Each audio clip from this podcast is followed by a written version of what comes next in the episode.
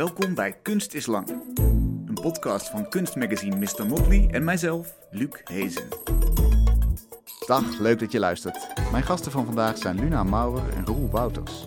Ze leidden tot vorig jaar samen Studio Moniker, dat designprojecten deed waarin de sociale effecten van technologie werden onderzocht. Hoe gebruiken we technologie en hoe beïnvloedt die ons dagelijks leven? Vaak ontworpen ze digitale werelden waar je als publiek door deel te nemen onderdeel van wordt.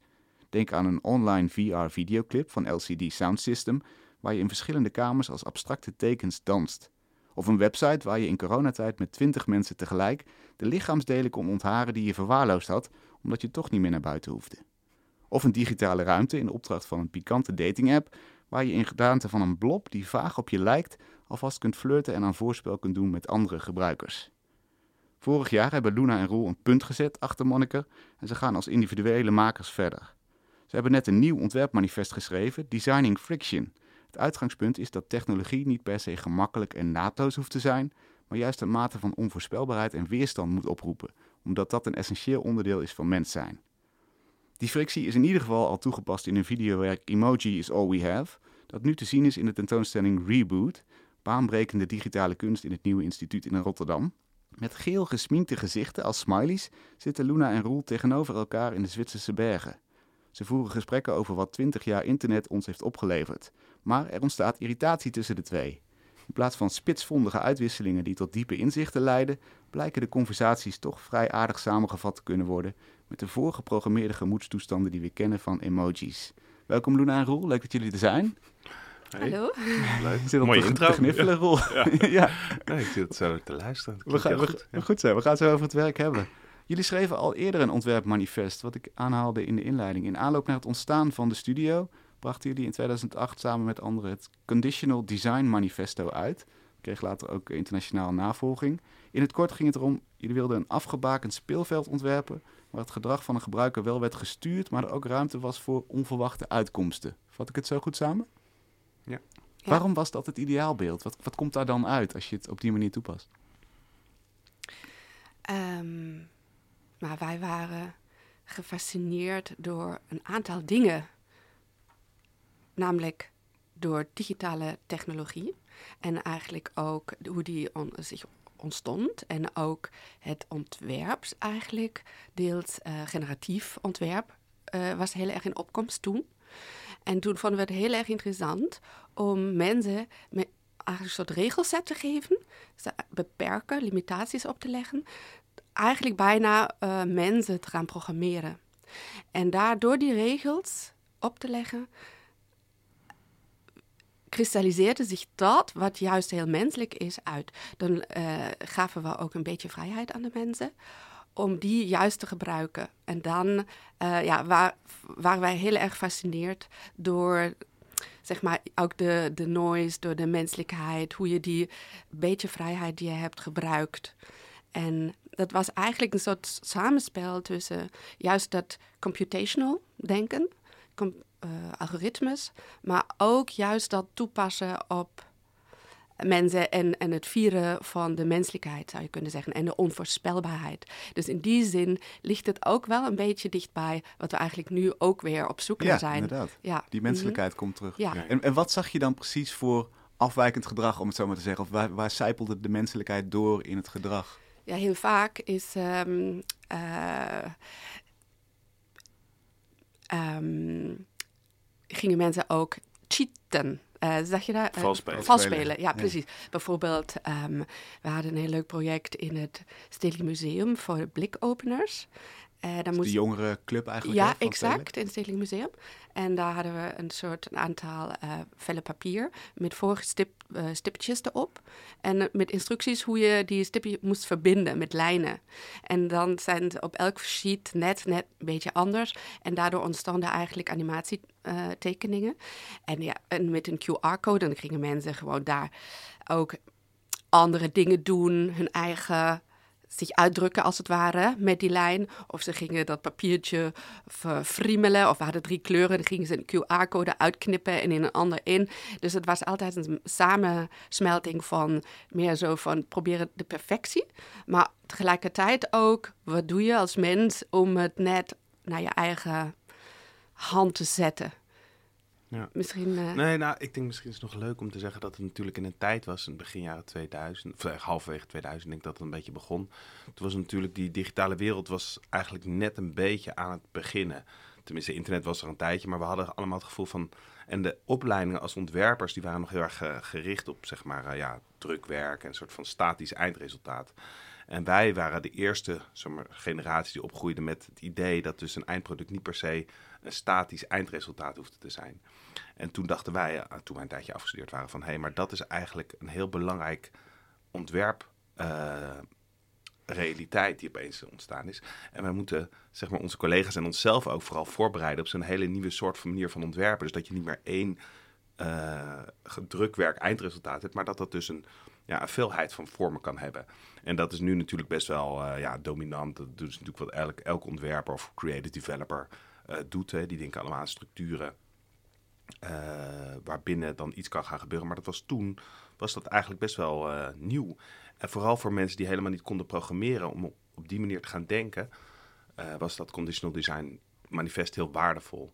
En zodoende had het ook heel veel navolging, specifiek bij kunststudenten, omdat die natuurlijk bij, ja, eh, je kan zeggen van, van nature ook wat minder, zeg maar, rationeel, computational, programmeerachtig zijn aangelegd, zou je kunnen zeggen. Ja. Dus het was eigenlijk een manier om mensen die eigenlijk eh, helemaal niet specifiek geïnteresseerd zijn in de rationale, rationele logica van algoritmes, tenminste, ja, om die wat meer, eh, om die eigenlijk de gereedschap te geven om wel op die manier te kunnen nadenken. En dit paste inderdaad in de tijd, denk ik, omdat internet natuurlijk vrij nieuw was Ja. nog. Wat was dat? Hoe keken jullie toen tegen internet aan? Ja, wij hadden daar gewoon, eh, wij waren heel e- excited. En wij zagen, maar wij zagen wel dat, onze, dat er niet echt een soort van, vanuit de academie in ieder geval, nog niet zo'n soort duidelijke manier was om dat te valideren of te zien. Wij voelden ons toch een beetje alleen vaak. Dan maakten we, maakten we iets waarvan wij dachten van ja, hier zit echt bijvoorbeeld of in de code of gewoon in het, in het idee heel veel elegantie en heel veel coherentie. Maar dat werd niet echt door onze leraren op dat moment gezien. Ik, eh, misschien een leuk voorbeeld. Ik was, eh, heb afge- ben afgestudeerd op de Rietveld Academie in grafisch ontwerpen. En mijn afstudeerwerk dat was een eh, voorstel voor een alternatieve ehm, desktop-metafoor. Die was vloeibaar. Dus het was een eh, soort grijs gebied met allemaal blobs. Als folders waren pulsen. En eh, de menubar, dat was een soort kauwgum. Kon je naar beneden trekken en uittrekken tot een blob. En dan zwemt dat net als olievlekken eigenlijk. Nou, dat was hele... Dat dachten ook de docenten. Nou, ga maar wat anders. Maar, als- Maar ze vonden het wel heel Als leuk, jij ja, het die snapt, was wel ja. leuk, maar niet iedereen hoor. Sommigen zeiden ook, die talenten van mij, die waren niet, kwamen niet helemaal tot uitdrukking. Stond in mijn eh, beoordeling. Ja, en toen ging het ik naar natuurlijk. Ja, Ja. exact, dat bedoel ik. Dat was, eh, dat, en dan eh, ging ik naar Zandberg en toen werd ik daar meer met de open armen ontvangen. Ja, Ja, Maar- dat is grappig, dus de, de, zeg maar de desktop, wat toen zeg maar de desktop publishing, hè, dat ging nog heel erg ook, dat was ook de term desktop publishing, dat ging nog heel erg over publiceren, dat ging van publiceren uit, maar niemand zag nog die omgeving zelf als een onderwerp. Dat, dat werd alleen maar als een gereedschap gezien of Oh ja. als een, ja, eigenlijk als iets functioneels, maar niet als een wereld op zich, wat ook een platform kan zijn of, of een canvas. Ja, dat is heel te nou, bij, bij mij was het min of meer hetzelfde verhaal. Eigenlijk nog, ik had een, eh, ik had een, mijn eindexamen was een, een apparaat, een video scratch machine. Had ik met een nieuwe iMac gekoppeld aan een muis die ik had omgebouwd. En dan kon je video's eh, scratchen. en eh, ja, dat was gewoon zo buiten zeg maar, wat grafisch ontwerpen was. Dat Ja. ik daar ook helemaal niet mee kon afstuderen. Dat was gewoon, ik ben toen eh, gelukkig door Mieke Gerritsen eh, ge- gescout. Of door iemand anders. In ieder geval op een gegeven moment bij het Zandberg terechtgekomen. ja, dat is echt geweldig. En dat Zij was echt van, niet zo zonder, belangrijk. zonder om- eh, ja. die zei van, die vond het niet zo belangrijk dat ik geen eh, bachelor had gehaald. Die zei, kom toch maar. Ja, dus je was niet afgestudeerd. Nee, ik was niet afgestudeerd. Dus dat is iets Hm. wat bijvoorbeeld nu helemaal niet meer zou kunnen, denk ik ook. Hè? Nee. Dat je dus eh, zonder een bachelor is nu helemaal geformaliseerd. Maar toen was het gewoon van, ja, kom maar, dit is gewoon een nieuw eh, spul, dus je mag er mee. Dus eigenlijk er ging een, een deur open naar een nieuwe wereld, die digitale wereld. En jullie dachten, we gaan kijken wat daar allemaal mogelijk is. Ja, We gaan, we gaan rommelen en, en er ligt nog zoveel open. We Ja. gaan eens kijken. Ja. Hoe is dat veranderd? Want volgens mij zitten we, we zijn er ongeveer 20 jaar verder. Ja. Er is veel gebeurd. ja 30 Ja. jaar verder, ja. Hoe, hoe hebben jullie dat zien ontwikkelen? Ja, we hebben. ehm, dus oorspronkelijk waren we, dus, zoals Roel eh, ja, zegt, super enthousiast over het feit dat je kan samenwerken over de hele wereld. Dat vooral vonden we fantastisch, dat je het web kan gebruiken om gezamenlijk dingen te maken met een grote groep mensen. En wat je ook vertelde net, het idee van proces, dat dingen constant veranderen, in Dat is een hele optimistische vibe ook. Ja, Iedereen die dacht van, eh, weet je, Wij- dit gaat gewoon we zijn emanciperen, één grote democratiseren. Dit wordt gewoon een hele nieuwe gemeenschap. gemeenschappelijk gedeelde wereld. Einde van Ja. alle verschillen in kennis en in achtergrond. Iedereen kan nu, eh, hij heeft toegang tot alle kennis. Ja, en, en ook het idee dat je experimenteel werk maakte online. Dat was ook een heel groot belangrijk aspect van ons werk. En, maar langzaam ging, je zou kunnen zeggen big tech, alles in platforms dicht bakenen. Dus we weten precies iedereen hoe, hoe het eh, functioneert. eh, het web, dat is eigenlijk, je komt haast niet meer op URL's als je zeg maar experimenteel werk maakt, maar alles werkt via apps of binnen gewoon eh, Instagram of TikTok of deze Omdat daar de mensen nou eenmaal zijn. Daar zijn de ja, klopt. De Je moet eigenlijk ook experimenten maken die dan in die in-app browser functioneren. En onze werk werkte helemaal niet. Plus, we wilden niet eens werk maken wat daar binnen functioneert. Wanneer, wanneer gebeurde dit? Ja, Die, die platforms die, over- opkwamen en die het opna Ja, het is natuurlijk een heel geleidelijke schaal. Ja. Het is natuurlijk ook niet zo dat het web als bestemming voor een digitale ervaring helemaal verdwenen is. Mm. Dat is er natuurlijk gewoon nog en het werkt ook. Wordt nog steeds wel gebruikt voor allerlei dingen. Maar het is wel zo dat het langzamerhand, en dat heeft natuurlijk mee te maken met alle business intenties hè, van, de, van de, business ehm, eh, side of things, dat dat langzaam allemaal, ja, eh, dat eigenlijk ja, die grote, bedrij- eh, grote bedrijven langzaam inzagen dat ons gedrag eigenlijk het meest waardevolle is om ons daarna te kunnen eh, bedienen van eh, met reclames, Advertenties. Mhm. en of eh, AI's te trainen. Mhm. En dat is een geleidende schaal geweest. Dat in het begin kon je als met een webervaring kon je nog ook op het gebied van gebruikersinteractie kon je nog best wel concurreren. Want er wa- waren nog niet zulke vastgestelde conventies van hoe je een app gebruikt. Elke app moest je weer even uitzoeken van oké, je moet daar klikken om dat te doen, je moet daar klikken om dat te doen. Maar nu die, die, die dominantie van die grote platformen zo groot zijn, zie je kinderen die snappen, die weten eigenlijk niet eens precies wat een website is. Dus die zitten als ze vanuit een link, nou ja, en daarbij Instagram bijvoorbeeld die link niet eens naar buiten, maar als ze dan wel via LinkedIn bio eh, een linkje klikken, dan is dat vaak een hele vervelende ervaring, omdat je op een, een of andere manier ineens weer voor je een telefoon voor je hebt, waarbij je moet gaan kijken van waar zitten de knopjes, hoe werkt het Mm. precies. En dat is een hele onprettige ervaring voor iemand die constant precies weet, eigenlijk blind zo'n interface kan bedienen. Alsof je van de snelweg afgaat Alsof en je, komt ja, op en ineens op een plek helemaal niet meer weet hoe de, hoe de Ah. verkeersregels werken. Ja. En dat was natuurlijk heel lang, was dat veel minder, waren die conventies veel minder strikt. Want dat was nog veel meer een zoektocht. En dat is Mm. eigenlijk wel, denk ik, wel twintig jaar geduurd. En nog steeds zijn die apps, eh, denk ik, die, die conventies, er is nog wel ruimte. Alleen omdat ze zo dominant zijn, is het eigenlijk, ja, kan je niet meer echt als, als individu of als, als kleine maker niet meer echt daarmee concurreren, denk ik. Of Ja. tenminste, wordt het steeds Ik, moeilijker. ik moet eh, daarbij eigenlijk nog aan toevoegen dat ook het doel, dat gewoon ja, eigenlijk alles ontworpen wordt dat je zo lang mogelijk, zoveel mogelijk op de scherm zit. Een soort aversie bij mij heeft geproduceerd.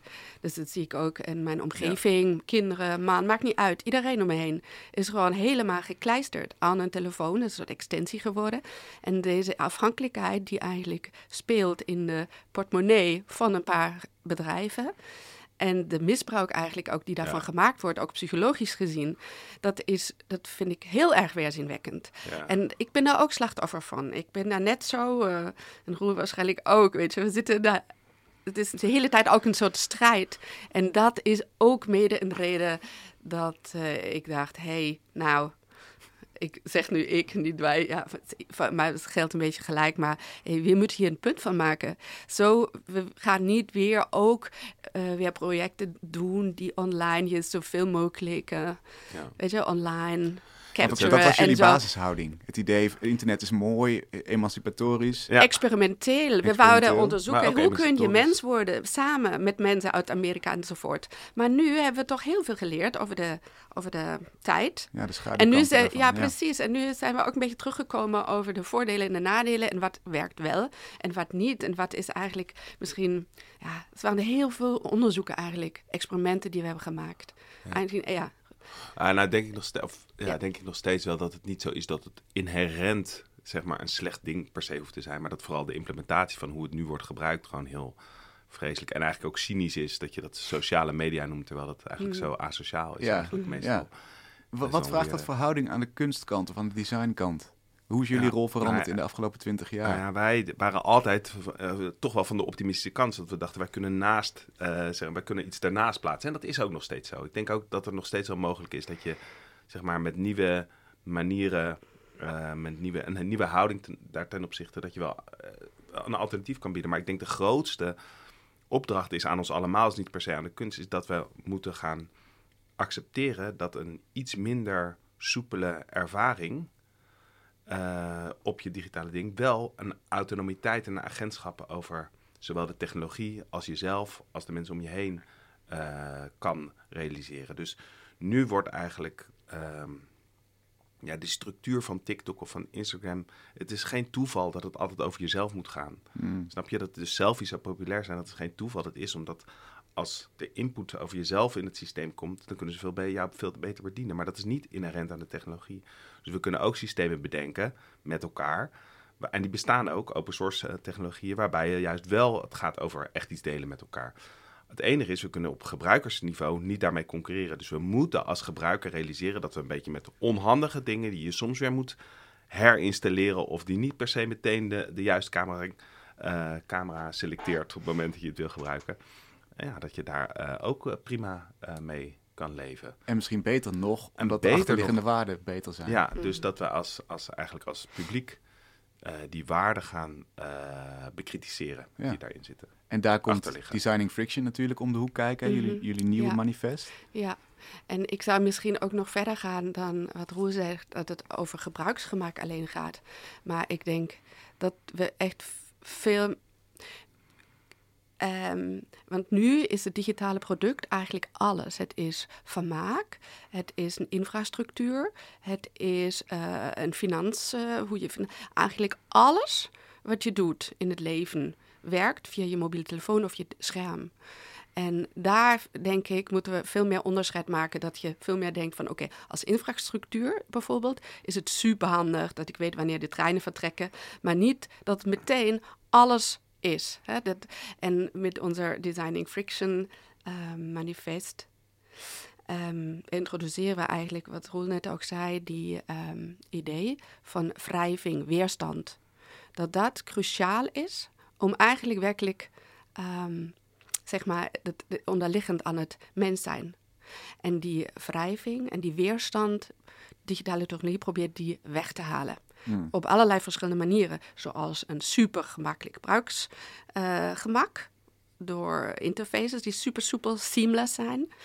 Ehm, maar ook bijvoorbeeld eh, frictie, weerstand weg te halen door bijvoorbeeld eh, data voorspelbaar te maken. Dat alles wat je doet, Gedrag. gedrag, sorry, door ehm, het volgende, dat je zo'n datapakket wordt, waarbij het volgende wat je doet ook al, ook al voorspeld wordt. En dus eigenlijk alles wat je gaat doen, een soort van eh, klopt en je alles best wel goed kan controleren. Hmm. Jezelf, je eigen leven, maar ook de big tech, hè, die eigenlijk weten wat je, wat je taste is. En dat is, zeg maar, weerstand daarin brengen. Dit is ook een ander concept van weerstand, die we denk ik belangrijk vinden.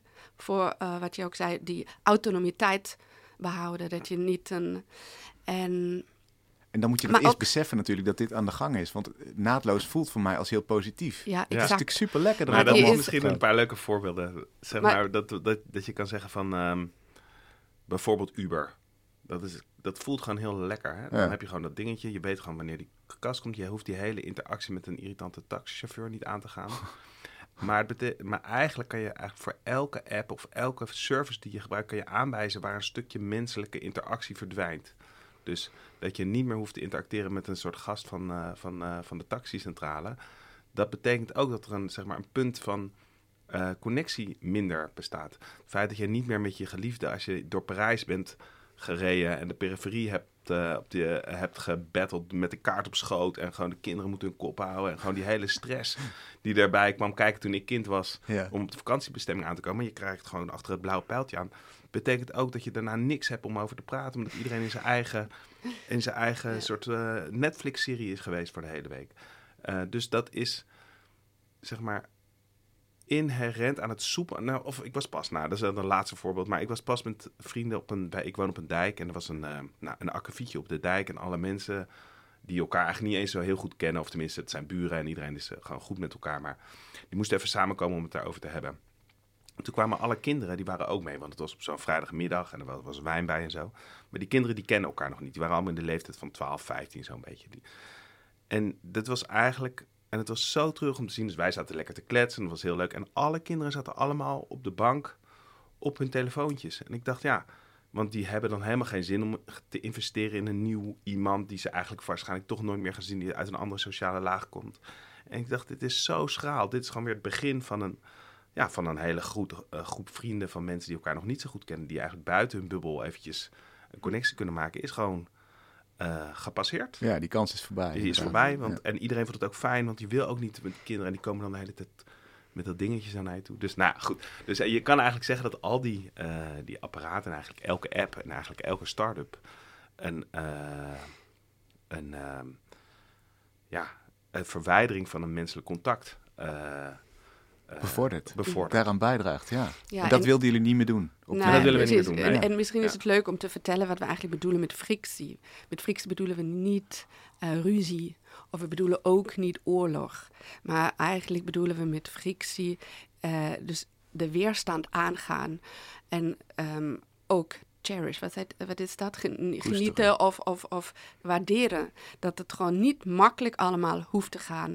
maar dat je investeert. Ja, nou, maar dat dat investeren in iets, iets moois oplevert, wat waardevoller is dan als alles super glad gaat. Hmm. Dus dat, gewoon, eh, dat je de diepte daardoor ingaat.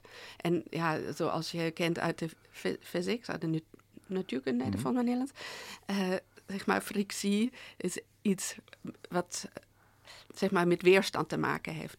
En dus als je, als je beweegt, ontstaat frictie. Als je st- stil blijft staan, is er geen frictie. Dus in eigenlijk zou je bijna kunnen zien die soort van digitale omgevingen als soort stilstand. Hè, waar je gewoon glijdt met voorspelde algoritmes van een naar die andere bubbel waar je in beweegt, waar je iedereen zoekt naar een soort optimale, harmonieuze toestand. Ja. Maar tegelijkertijd ook niet, weet je, wat je ook ziet, is die enorme polarisatie die ontstaat online. En dat is ook mede, zie, denk ik dan, door een soort ontbreken van weerstand. Omdat je niet iemand, weet je, dat geen uiteenzetting echt is. Hè? Je roept zomaar iets in een soort eh, losse ruimte. ja, van achter je eigen Van computertje. achter is veilig, eh, exact. Mhm. Je hoeft niet te bewegen van A naar B. Er zijn geen transities waar eh, weer dingen, onvoorspelbare dingen gebeuren die misschien invloed hebben op je beeld. Het is alles heel eh, ja, virtueel en, en, en Ja, en degene die je, die je eh, beledigt, die kijk je niet in de ogen. Nee. Waardoor Nee, de drempel nee, weg is ja. om, Ja, echt, exact. echt Ja, volgens mij is ook nu, dat was dan wel de grote voordeel van de afgelopen week met dat hele, die eh, Taylor Swift eh, AI's, die, ik weet niet of jullie het gevolgd hebben, maar Is dus op een gegeven moment was er, nou, eh, afgelopen week was een, een online, waren er allemaal naaktfoto's van Taylor Swift in omloop geraakt. Die waren allemaal gegenereerd door AI's, door Stable Diffusion en andere grote, zeg maar, image generation models. En dat heeft een enorme impact gehad nu, eh, zeg maar, denk ik in Amerika. Vooral bij mensen die daar norma- normaal gesproken nooit over nadenken. Dat een heleboel ouders ineens gaan realiseren van, oh ja, dat kan dus ook. Ja. En dat er nu, de, hopelijk, ik ben altijd redelijk optimistisch, maar dat er nu een veel, eh, zeg maar, een grotere eh, basis van mensen ineens denken, oh ja, maar dit is dus een soort schaduwkant van al die vrolijke AI-experimentjes die we de hele tijd op ons af Ja, dit kan ook onze dochter zijn. Ja, Precies. Over wie die beelden Ja. worden verspreid. Ja. Inderdaad, Maar goed, we dus- denken dat we eigenlijk, om niet alleen te pessimistisch te zijn, eh, dat we gewoon, hoe kunnen we digitale producten dan ontwerpen met frictie? Ja, dus en daar zijn we eigenlijk over aan het nadenken. Ja. Op welke manier kunnen we concepten incorporeren in digitale producten die oncomfortabel zijn, of waar je hele lichaam meer onderdeel wordt, of die niet gaan over alleen maar vrolijkheid of ehm, nou ja, vertraging hebben we ook als een concept, die niet waar alles super snel is, maar eh, op, ja, dat zijn beginnende ideeën over hoe over andere soort digitale producten. ja. Heb je een voorbeeld van hoe dat eruit zou kunnen zien? Jullie zijn nog aan het nadenken. Dat, dat ja, ja maar- klopt. Nee, we hebben daar nog niet eh, concrete voorbeelden, maar we hebben bijvoorbeeld net een filmfonds aan, aan aanvraag gedaan voor een digitaal product, dat gebruikt ook je mobiele telefoon, maar dat gaat daarover om samen een film te maken. En dat noemen we multiplayer film. Dus dan doe je gewoon in kleine teams samenwerken. Het gaat over zwaartekracht. Nou ja, ik ga niet dat project helemaal uitleggen, maar in het filmmaken zelf moet je dan eigenlijk als team samenwerken, elkaar helpen, dingen laten vallen en filmen van een beetje complexe hoeken. En dan wordt dat ook onderdeel van een groter filmgeheel. Eh, en, en dan uiteindelijk heb je dan als team een film gemaakt. En geniet je samen weer, moet je fysiek bij elkaar komen om die film samen te bekijken. En dat is eigenlijk een tegenhanger van het idee van dat er dus nu, als je op, op straat zit, eh, je ziet dan kinderen met elkaar, al je groepjes wel bij elkaar zitten, maar eigenlijk iedereen zit een beetje in zijn eigen contentproductie. Dus eh, je maakt, je maakt, iedereen maakt wel, of je vraagt een selfie of zo, je, je maakt tijd iets om jezelf te promoten over jezelf. En wij dachten, het is eigenlijk leuk om iets te verzinnen wat dan gaat ook over waar eigenlijk zeg maar de voorwaarde is dat je het samen maakt op die digitale device. Ja, het Ja. is gewoon een klein stapje. Het is niet eens echt frictie, zou je, moeten eh, zou je kunnen zeggen. Maar het is wel die manier van denken van eh, dat hele zelf alleen maar centraal stellen. Is wel een, eh, ja, dat is wel een stapje. En wij zijn de Nou, hele plus tijd... dat je die, dat digitale, de, de mobiele telefoon gebruikt als tool Ja. voor samenwerking Ja, eigenlijk. ja. Ja, Ja, ja. in plaats van je, jezelf Ja, eh, verder je af te zonderen. Ja. Ja. Mhm. Die frictie komt ook heel goed terug in het werk wat nu in het nieuwe instituut te zien is in, eh, in Rotterdam. Althans, met die bril kun je het bekijken. Ja. Ja. Reboot is daar te zien, tentoonstelling, baanbrekende digitale kunst. Met sleutelwerken uit vroege digitale kunst. Ehm Emoji is all we have. Een, vier schermen waarin jullie eh, gesprekken voeren samen. Je zitten ergens in een Zwitsers berglandschap. Analoge kan niet trouwens. Verpletterende natuur, fantastisch. En daar gaat het dan over de digitale wereld. Hè? Jullie hoofden zijn als gele emojis gesminkt. Jullie hebben een helm op met daaraan verbonden een smartphone die jullie filmt. Ook van behoorlijk dichtbij. Het is redelijk Mhm. confronterend in, eh, in, in beeld. Eh, selfie, eh, selfie-modus. Die gesprekken gaan dus over wat 20 jaar internet heeft opgeleverd. Belangrijke vragen vervagen de grenzen tussen analoog en digitaal. Hoe zit het met de macht van grote techbedrijven? Geven die emojis juist diepgang aan onze gesprekken of vervlakken ze daardoor? Wat ik wat ik interessant vind is, er gebeurt eigenlijk wat ook op internet snel gebeurt. Jullie zitten tegenover elkaar, maar jullie verliezen elkaar. Want er staat een soort irritatie. Mhm. Jullie Mhm. zeggen van alles, maar op een gegeven moment wordt het persoonlijk en gaat het minder Mhm. over de inhoud. Ja. was heel moeilijk. Ja? Ja, ja, ja, want we hebben ook gezegd, nou, we laten dat, we bereiden er niet voor. We gaan gewoon zitten en praten. En wat er in ons hoofd opkomt, dat vertellen we tegen elkaar. En ik had natuurlijk een aantal thema's in mijn hoofd, en Roel ook. Maar het liep om twee redenen, denk ik, niet lekker. Eén, omdat we dan toch wel met bepaalde ideeën ha- zaten die we elkaar wilden vertellen. Of aan een publiek, denkbeeldig publiek wilden vertellen. Maar tegelijkertijd had ik zo van ook, ja, maar dat weet ik toch eigenlijk al van jou, Roel, weet je wel? Dat, eh, soort van, dat we een soort van in herhaling gevoel. Ja. En tegelijkertijd ook dat idee van, hoe kom ik over? Wie ben ik ten opzichte van Roel? Een soort van rare competitie. Dat eh, ik Zeg ik slimmere dingen? Ja, bijvoorbeeld zeg ik, mhm, ik moet nu ook slim, ah, heb je dat goed gezegd? Of dat van, nou, dat speelt soms tussen ons. Eh, en dat is super stom. Ik weet niet, het heeft gewoon te maken ook met eh, onzekerheden, met man-vrouw, met van allerlei componenten. En die, die, die kwamen toch wel eh, daar ook in die gesprekken aan bod. En ik bedoel, we, we zijn gewoon zo eerlijk en laten dat zien of we hebben het erover of we zijn, ja, Mhm. we hebben het niet weggemonteerd Nee. of al dat soort dingen. Maar het was dus ook zo dat het. Ik, ik vind En- het ook juist ja. zo goed, omdat we ook wel zo slim waren geweest om van tevoren, zeg maar, een beetje die. Ja, dat, dat thema van die emoji als een soort van. Dat, dat wel helemaal. te- Je zou zeggen, aan de ene kant waren we niet voorbereid, want wat we gingen zeggen was heel, heel ongestructureerd en vaag. Maar aan de andere kant, zeg maar, die productiewaarde van. Zeg maar de beslissing om klopt. onszelf te, transformeren naar emoji en daarmee ook een bepaalde afstand te hebben Mhm. tot wie we Ja. zelf zijn Ja. dat hebben we echt wel helemaal precies uitgewerkt. En daarom vind ik het denk ik ook... Ja, want er is ook... Is, wel- daarom is het super geslaagd. nou, vind, ik het, vind ik het Ja. best wel geslaagd. Nee, is- is ook zo. ja, Ja. ja. want als dat niet zo was... En ja, dat was natuurlijk... We, eigenlijk vind ik het heel vaak best wel... Als ze zeg maar een soort kunstwerk een beetje therapie wordt... Of als het heel erg over jezelf gaat, wordt het vaak ook pijnlijk. Of wordt het eigenlijk meer therapie dan, dan een werk. En dat, dat, dat zit hier ook een beetje in, denk ik, hier en daar. Aan de andere kant, omdat we dus die stap hebben gemaakt van die afstand... vind ik het ook oké. En ook omdat we dat eigenlijk nooit doen, weet je, het gaat helemaal nooit over ons eigenlijk in het werk. Het gaat eigenlijk altijd over die gemeenschap en die verbinding. Denk ik dat het juist daardoor zo'n uniek, bijzonder ding is geworden. Ja. Ja, en dit is ook Maar, echt bijzo- bijzonder voor een kijker, vind ik dan, kan ik me voorstellen, te zien hoe deze emoties die wij echt doorleven in de- tijdens die gesprekken, hoe die zo subtiel in die gele gezichten eh, te zien zijn. Ja, en hoe anders, En dat dat, is- ja, in en die ook- met, een, met een emoji op je Exact. telefoon. Dus in die zin is het, het werk super goed gelukt. Wat ik bedoelde is eigenlijk dat die gesprekken in die Ja. zin niet zo gelukt Nee. waren als Ja, gepland. Hè? Ja. We wouden een soort van gladde, eh podcastachtige gesprek voeren, slim. En, en dat, werd, dat, dat werd het niet. Maar tegelijkertijd werd het daardoor een goed werk. Nou, En wat, we nog niet die- vermeld hebben, wat jullie gedaan hebben. Dus elke keer als, als jullie gezichten lijken op de emoties die we kennen uit onze WhatsApp-catalogus, dan staat het beeld even stil. En dan beschrijft dat, oh ja, er wordt nu eh, een gevoel van schaamte. Eh, Ja. Beleef jij, Luna, misschien? Ik weet even niet meer wie het Ja. was, maar een van jullie. Eh, en dat, dat, dus jullie bevriezen even en dan zien we, oh ja, deze emoji past bij deze situatie. Ja, en dan zie je ook meteen van hoe veel complexer eigenlijk de, de, de, de menselijke emotie is als dat eigenlijk dat soort, Ja. dat, dat, laat zeggen, dat atomaire wat zo'n zo'n emotie zou moeten laten zien van alsof er iets zoiets is puur verdriet of Ja. alsof er iets Ja. Wanhoop. Het is natuurlijk altijd gelaagd met heel veel andere Ja, eh, dingen die, die wat ons echt mens maakt, die zoveel complexer dan die Ja, dan, eh, dan Mhm. dat soort eh, ja eenduidige. een soort oppervlakkige samenvatting Ja, is ja. het eigenlijk. ja. exact. Ja. We herschrijven zeg maar de Unicode van de emoji. Eh, we wissen dat weg, digitaal. En dan herschrijven we dat in die film met die gelaagde emotie die eigenlijk daarachter zit. ja. Ja. En, en ook hier de frictie bij het bekijken is ook aanwezig. Want als, als kijker denk je ook van, hey, inderdaad, waarom, waarom zit ik naar dit kibbelende stel te kijken? Ja, en ja. toch blijf je kijken.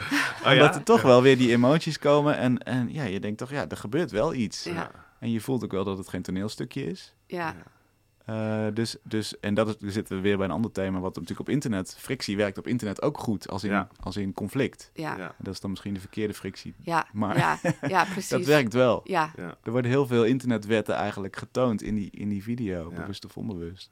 Grappig dat je het zo ziet, ja, klopt. Want dat is een onderwerp waar we natuurlijk, zeg maar, trolling en zo, dat is natuurlijk ook echt eh, iets waar je... Maar dat is meer eigenlijk provoceren, denk ik. Ja. Ja, of sensationele, sensatione- Dat is toch iets ehm, anders. content. Ja, dat was niet jullie intentie om nee, elkaar te nee, nee, helemaal niet per Nee. se. Nee, ik ben ook wel heel benieuwd hoe ik er later naar terugkijk. Ik vind het best wel moeilijk, dat denken wij allebei wel, om het terug te zien.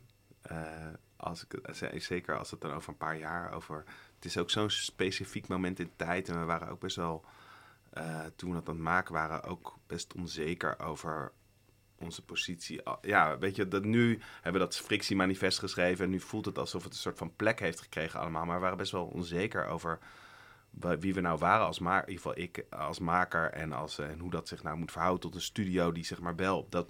Ja, wat waar we het eerder over hadden. Die hele, zeg maar, moeten we dan echt afscheid nemen van het optimisme... Wat zo, eh, dus dat was best wel. Mhm. En dan ook onze al zo lange samenwerking. En we kunnen echt zo lezen en schrijven met elkaar. En eh, ja, dat is best wel confronterend om te zien hoe, ja, hoe je dan met jezelf zit. En hoe vre- vreselijk eh kanten je eigenlijk hebt als je het niet zo bewust... Dus daar heb ik echt ook heel veel van geleerd. Ook Ja, in luisteren en in... ehm, ja, eh, ja, ik denk misschien wel vooral dat, eigenlijk luisteren. en Ja. het is nu wel in de wereld, net zoals je een post op Instagram, Ja. ja. dat kun je verwijderen, maar in principe is het naar buiten gestuurd. Dat is natuurlijk ook een kant die aan de digitale wereld zit. Je maakt een momentopname, Mhm. zoals jij net omschrijft. Het was toen een kwetsbaar moment. Mhm. En wie weet hoe je er over tien jaar naar kijkt. Misschien Ja. denk je wel, het moet weg. Het, het moet, eh, ik, dat Ja. had ik nooit moeten doen. Maar het is het dan Ja, wel. dat heb ik Nee, helemaal ik vind niet. dat, daar heb ik ook niet. Nee, ik vind dat we moeten ook gewoon als kunstenaars gewoon daar niet te, te bang zijn. Toch, kijk, ja, iedereen herkent dat ook. We zijn gewoon natuurlijk allemaal mensen met allemaal dingen en niemand is perfect. Ja. En nou ja, dat is, sorry, Ja, ja. ik, ik ben super trots hierop. Op dat werk. Ik denk helemaal niet dat het moet weg. Ik denk van het is een hartstikke goed werk geworden. Waarbij wij allebei en iets dingen vertellen over de wereld het moment. Ik denk dat in die zin ook een tijdsdocument is. En aan de andere kant ook, waar je ziet de worsteling en de transitie. Je ziet de persoonlijkheid. Je ziet, het is een document tussen man en vrouw, een werkrelatie. Daar zit heel veel lagen in. Ik denk dat het heel erg eh, interessant eigenlijk. Ja, ook ook, voor andere mensen om daarnaar te kijken. Ja, en, en ik ben trots daarop dat wij eigenlijk in staat zijn klinkt nu heel erg opschepperig, sorry. maar omdat ook de, op een of andere manier hebben we het externalis externaliseerd. Hè? Naar buiten gebracht. Andere mensen laten deelnemen aan dit. En eh, ja, Dat was ook nodig. ja, Dat was ook gewoon goed om op die manier. Het is ook, heeft ook gewoon Ja. ervoor gezorgd dat we nu weer verder op een andere manier naar elkaar, naar de wereld en naar onszelf kunnen kijken. Ja.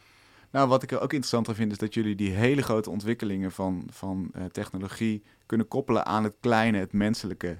eh, de, de, de onderlinge frustraties of de onderlinge, eh, de dagelijkse gang van zaken eigenlijk. Heel veel, heel veel mediakunst gaat toch over grote ontwikkelingen en, en nou ja, die ook interessant zijn en die ook Mhm. benoemd moeten worden. Maar om ze juist weer tot een dagelijkse basis terug te brengen, dat is wel ingewikkeld, denk ik. Mhm. wat bedoel je precies met die dagelijkse basis? Nou, dat, dat het inderdaad gaat over eh, de, de basale eh, onzekerheden Oh, tussen twee ja. mensen. Mhm. Hè, of het gekibbel, Ja. of eh, ja. Ja. het, toch de ambitie hebben, maar daar helemaal niet per se in slagen. Ja. Dat is, ja, en, Ja, en, dat en is toch ook, ook... super confronterend dat we dat dachten dat we een soort van wel een soort van iets konden, zinnigs konden zeggen over die technologie, zomaar uit het losse polsje. Ja, En dan blijkt dat het allemaal een soort eh, ja, gemeen, eh, hoe noem je dat? Ehm, gemeenplaatsen zijn. gemeenplaatsen waren, min of meer. Natuurlijk niet alles, maar toch best wel eh, hier en daar, ja. Ja, wat ook herkenbaar is, want ik denk dat Ja. iedereen wel iets weet over de ontwikkelingen van technologie en wat het op, met ons doet. Maar lang niet alles, niet het hele verhaal natuurlijk. Ja. Er is volgens mij bijna niemand die dat... Nee. Nee, is ook helemaal niet nodig. Ja, dat was inderdaad mijn vervolgvraag. Moet je als maker vanuit kunst of vanuit design weten waar je mee werkt? Moet je het snappen voordat je iets zinnigs kunt doen? Ja, goede vraag. Kan je überhaupt ooit alles snappen? Of hoe ver snap je iets als je iets snapt? Ja, Eh, ik weet het niet. Ik denk, eh, ik, ik zou hier eigenlijk pleidoyer, een pleidooi houden voor je hart. Dat je gewoon werkt vanuit je hart waar je voelt. Dat interesseert mij, daar zit iets. Hmm. En niet zozeer van, ik denk, ik weet iets. En eh, ja, dat, dat is eh, veel relevanter, denk ik. Dat je plezier hebt en dat je nieuwsgierig bent.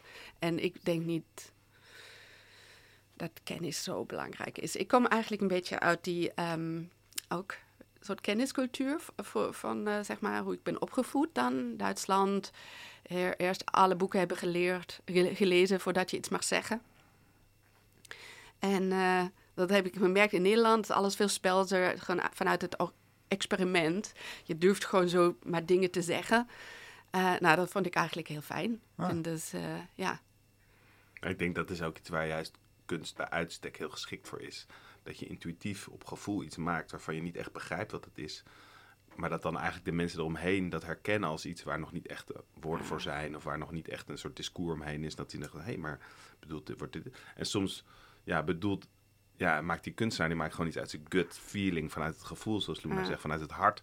Maar dat blijkt dan net op dat moment. er- hè, als je het dan over hebt een succesvol werk, blijkt dat als je het op de, mooiste, de mooiste manier van kunst, eh, hè, dus niet de kunst als industrie, maar de kunst als een relevante markering in de tijd van, van een nieuw concept, eigenlijk een nieuw idee over hoe de wereld of wij met elkaar omgaan, dat het ineens zo helder en zichtbaar wordt dat je denkt, wow, maar dit, ik kan niet eens uitleggen, er zijn niet eens woorden voor, maar dat betekent gewoon dit. Ja, dat is natuurlijk, eh, dat, dat kan je nooit rationeel maken, want dat Hmm. bestaat dan nog niet. Ja. En eigenlijk dan alleen dan vind ik het ook echt super interessant. De meeste andere vormen zijn of een soort herhaling. En, of gewoon een toffe poging omdat iemand gewoon enthousiast is. Dat is ook altijd tof. Maar ehm, ja, En hoe liepen jullie dan door die tentoonstelling? Want daar gaat het Ja. ook over inderdaad eh, vrij, toch maar vrij iconische werken uit de, de, de internetkunst, beginjaren daarvan zo'n beetje. Ja, laat ik beginnen met te zeggen dat het gewoon fantastisch is dat die tentoonstelling er is. Want het is gewoon een, een groep van mensen en een groep, eigenlijk een hele wereld, die eigenlijk op die manier heel weinig aandacht heeft gekregen de afgelopen 20 jaar.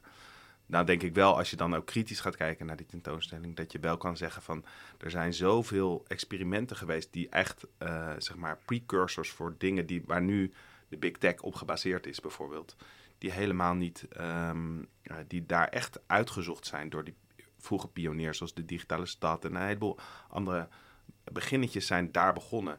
En ik vond het wel jammer dat je in die, in die tentoonstelling eigenlijk heel weinig contrast ziet. Of eigenlijk weinig koppeling naar wat het dan heeft betekend voor de wereld en, de, en, en, en onze relatie.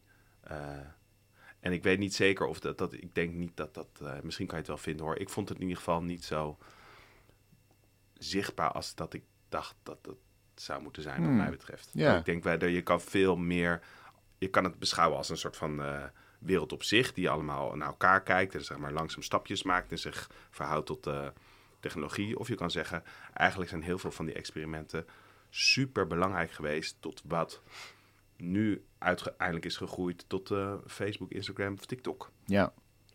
Waarmee je het ook wel instrumentaliseert. Waarmee je dus ook ja, wel zegt... maar ook kan zeggen van ja, de dingen zitten aan elkaar gekoppeld. Dat klopt. Ja, ja instrumentaliseren. Ja, maar de, nou ja, je kan het natuurlijk op een heleboel manieren laten zien. Maar ik, ik miste wel een beetje die link naar de, naar de, naar de, ja, naar de wereld hier ja. en daar. Ja. Wat verwachten jullie voor de komende twintig jaar? We hebben heel veel teruggekeken, maar wat, hoe zitten we er over twintig jaar bij? Ik denk dat heel veel gaat veranderen. Ja. Ja, ik denk ook, uh, en hopelijk niet alleen, uh, uh, alleen maar dat we nog meer schermen hebben. Ik denk dat die eerder verdwijnen, de schermen. Um, en wat komt er voor terug, denk je? Ja, ik denk dat heel veel, wat er nu eigenlijk gebeurt, heel veel intelligentie hè, die in, in de omgeving ingebouwd zit, terugkomt. Maar niet. Maar um, ik had net iets wat ik wilde zeggen, maar dat ben ik weer vergeten. Ja. Ik wou eigenlijk namelijk, want dat klinkt niet zo voor mij zo fijn. Dat klinkt eerder zo bedreigend, want dat is niet uh, tastbaar. Dat is um, ja, die intelligente omgeving die je observeert, hè, als het ware, met intelligente, whatever, deurbellen enzovoort. Dat. Um, sorry. Ja, je wilt daar controle over houden. Huh? Nou ja, eigenlijk minder. Ik, wat mij betreft, ik wil eigenlijk wat dat betreft minder intelligentie lijkt mij ook fijn. Hè? Ja. Dat je het meer vanuit jou, vanuit je lichaam dingen ervaart in plaats van data die verzameld is. Huh? En niet alles vanuit het cupje doen. Ja, of een uh, Meer machine. vanuit het hart. Nou ja, van hart of gewoon vanuit de, ja, eigenlijk ook fysiek. Ja, Want ik, eh, wat ik dus interessant, ah, nu weet ik het weer, wat ik wilde zeggen, is dat er ook, denk ik, heel veel onderzoek gedaan wordt op dit moment ten opzichte van de uh, effecten van al dat schermgebruik uh, en gedrag met mobiele telefoons enzovoort. En enorm veel weerstand ook ontwikkeld wordt. En op scholen bijvoorbeeld telefoons op de meeste uh, verboden, Verboden, worden. ja. Geheel, ja. Um, en na dat soort onderzoeken, die, um, of hoeveel moet je dan wel met computers werken op computers en hoeveel moet je toch nog van hand, hè? gaat handschrift helemaal verdwijnen of komt die weer terug? Ik denk dat daar ook heel veel gaat uh, onderzoek gedaan wordt en ontwikkeling. En denk je dan, zijn. verwacht je dan dat de slinger weer teruggaat richting analoog? Dat we denken, oké, we hebben het misschien te ver uit laten dijen? Of gaat het nog verder het uh, digitale in en krijgen we bijvoorbeeld de computer in onze ooglens? Ja, nee, ik denk toch dat uh, een deel weer teruggaat naar het uh, naar de lichaam en het Hmm. fysieke. Ik denk dat er best wel veel onderzoeken zijn eigenlijk al. Of onderzoeken, maar ook trend. Weet je, een soort van... uh, Ik denk dat het wel een beetje een luxe wordt, de digitale, uh, de analoge wereld. Net zoals een plaat. Ja, Ah, ja. een wijnalblaad. Ja. Ja, zoals je Als je bedoelt... tijd en geld hebt, kun je dat Kun je dat permitteren? veroorloven. Ja, ja, snap. Ja, de, de, de kinderen van de mensen die bij Big Tech of in Silicon Valley werken, die gaan naar de vrije school en die uh, mogen niet op de scherm. Ja, precies. Die snappen heel goed wat de gevaren zijn. Ja, dat uh, luxe. Ik zat nog te dat denken, als we het hebben over frictie en hoe je dat kunt ontwerpen. Eén manier waarop mensen tegenwoordig, ook die helemaal uh, absorbt zijn door schermen, wel willen bewegen, is in de fitness. Ja, Jezelf Ja. mooier maken. Ja, Daar willen ja. mensen heel, heel Ja. erg hard hun best voor doen. Ja. Dat is ook frictie natuurlijk. ja precies. Dat Misschien zijn moeten we in ook die analogie games, gaan hè, denken. die, die, die speel ik nooit, maar die zijn er ook, hè, dat je gewoon uh, bewegend games speelt. Ja. Maar dat gaat ook heel erg over je eigen lichaam. Hè? Dus wat dat betreft ligt het ook nog best wel over dichtbij, laten we zeggen, zo'n beetje fascistoïde idee van. Uh, Ja. hè, toch wat je ook met, uh, met al die jongetjes die nu door, uh, hoe heet die, Andrew Tate worden gezegd van, nou zit je in de problemen. Ga twee maanden naar de sportschool, dan praten we verder. Weet je? Ja. En dat, aan de ene kant denk je, weet je, dat vind ik dat is zo verwarrend. En Ja. zo cynisch eigenlijk ook. Want Ja, want gaat sporten niet- is goed, Sport is precies super maar het verknipt je, Ja. je zelfbeeld, zeg Ja. je, op die manier. Ja. Ik had nog een andere gedachte over dit, wat je vroeg over hoe dat dan nu verder gaat ontwikkelen. Ik denk dat heel veel mensen ook, uh, nou ja, AI en deze large language models, uh, als, vooral als het over technologie gaat, dan natuurlijk heel erg uh, ja, op inzoomen nu.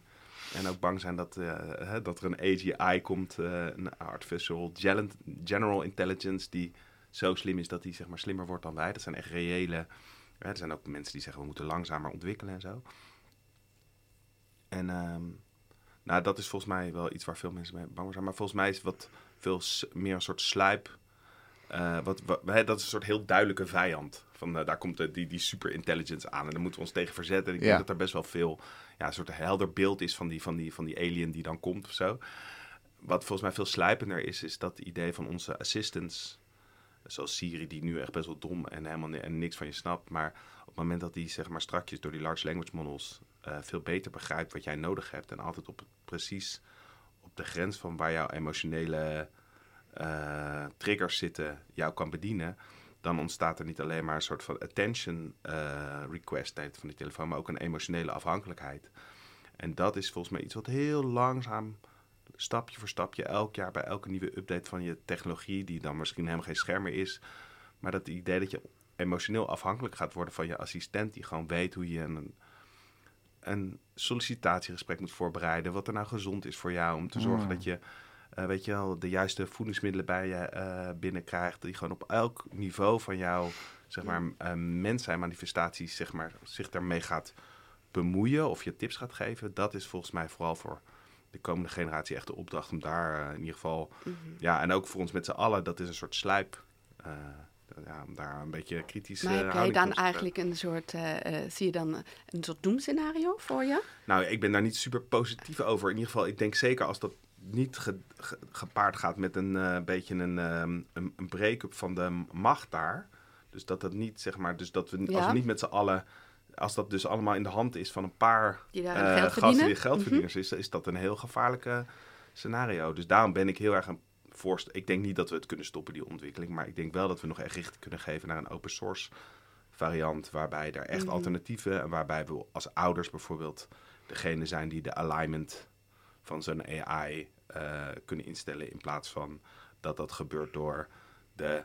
eh, Mm. Hoe noem je dat? De, de, de, de, de prudent ehm, eh, geest van de Amerikaanse. what- Whatever. Kijk, wel, welke je ook maar wil. Hè? Of dat Ja. dan een hele extreme Ja. Andrew Tate-achtige alignment is. Of juist die van Apple en eh, Google. Die gewoon super. waar- je niet eens een, mag vragen om een beeld van een eh, verdrietige man of zo. Weet je. Ja, dat mag Ja. niet bestaan in dat dat mag niet bestaan in Ja. dat beeld of zo. Ja, Ja. Dus, nou ja, daar is denk ik een hoop te... Ja, ik te vind doen. het eerlijk gezegd, ik heb net zo'n soort gedachte voor me. En ik wil toch wel voor die andere gaan. Eén is de richting van de toekomst, waar iedereen een soort puppet is hè, van de algoritmes. En die emotionele en whatever allemaal een soort afhankelijkheid er is. En dat van bestuurd door, en, met- net als een, een, wortel weet je, die voor je hangt, waar je achteraan loopt. En die andere is dat er een soort radicale nou, protestactie of een soort verzet ontstaat of een soort bewustzijn ontstaat die tegenin gaat. Een soort beweging, een bewustzijn en de celebreren van andere waarden. En daar wil ik meer naar kijken. Ja, Ja. dat andere vind ik te erg om te denken, zo gaat het worden. Ja, Maar we zijn zo En- notoir slecht in het voorspellen van de toekomst. Hè? ja precies. en Dus dat we willen we ook niet. Want dat is ook weer precies de punt wat in dat manifest ook staat. Hè? Het gaat altijd, alle data, we willen altijd weten wanneer gebeurt dit, hoe is het weer morgen. Ja. Wat alles is, gaat over voorspelbaarheid. Ja, maar dat is ook menselijk natuurlijk. Dat is met, We nou, zekerheid. ik- ja, exact. Maar dat is het helemaal doorgeslagen, zou, Ja. ik, zou je kunnen zeggen. Hoeveel je wil voorspellen. Alles moet voorspeld worden. En daar denk ik, ja, het gaat, we traineren ons echt op een heel rare manier. Zeg maar, die mogelijkheden die technologie ons biedt, het traint ons op een hele rare manier te denken over de wereld. En eh, ja, Ja, het belang van het onvoorspelbare, dat moeten we vasthouden in ieder geval. exact. Maar ik denk ook dat exact. het überhaupt, dat zeg maar ook, dat, zeg maar, want dat is toch een soort manifest van hoe je in de toekomst, en dat is toch ook een soort voorspelling die je nu doet. Nee, ik heb gezegd, er zijn ja verschillende scenario's. Ik Ja, ja, denk het- precies. ja, Ja. een scenario überhaupt Ja. uitdenken is een soort voorspelling. Ja. zeggen, ja. Ja, Nou, en daarmee, en dat is denk ik ook heel moeilijk, zeg maar, dat Ja. constateren. Is het, en dan technologie die zo snel aan het ontwikkelen is, is denk ik super Ja, moeilijk klopt. überhaupt. Er is zoveel ruis. Hè? Dat, dat is toch ook wat eh chaotisch, wat chaos gewoon doet.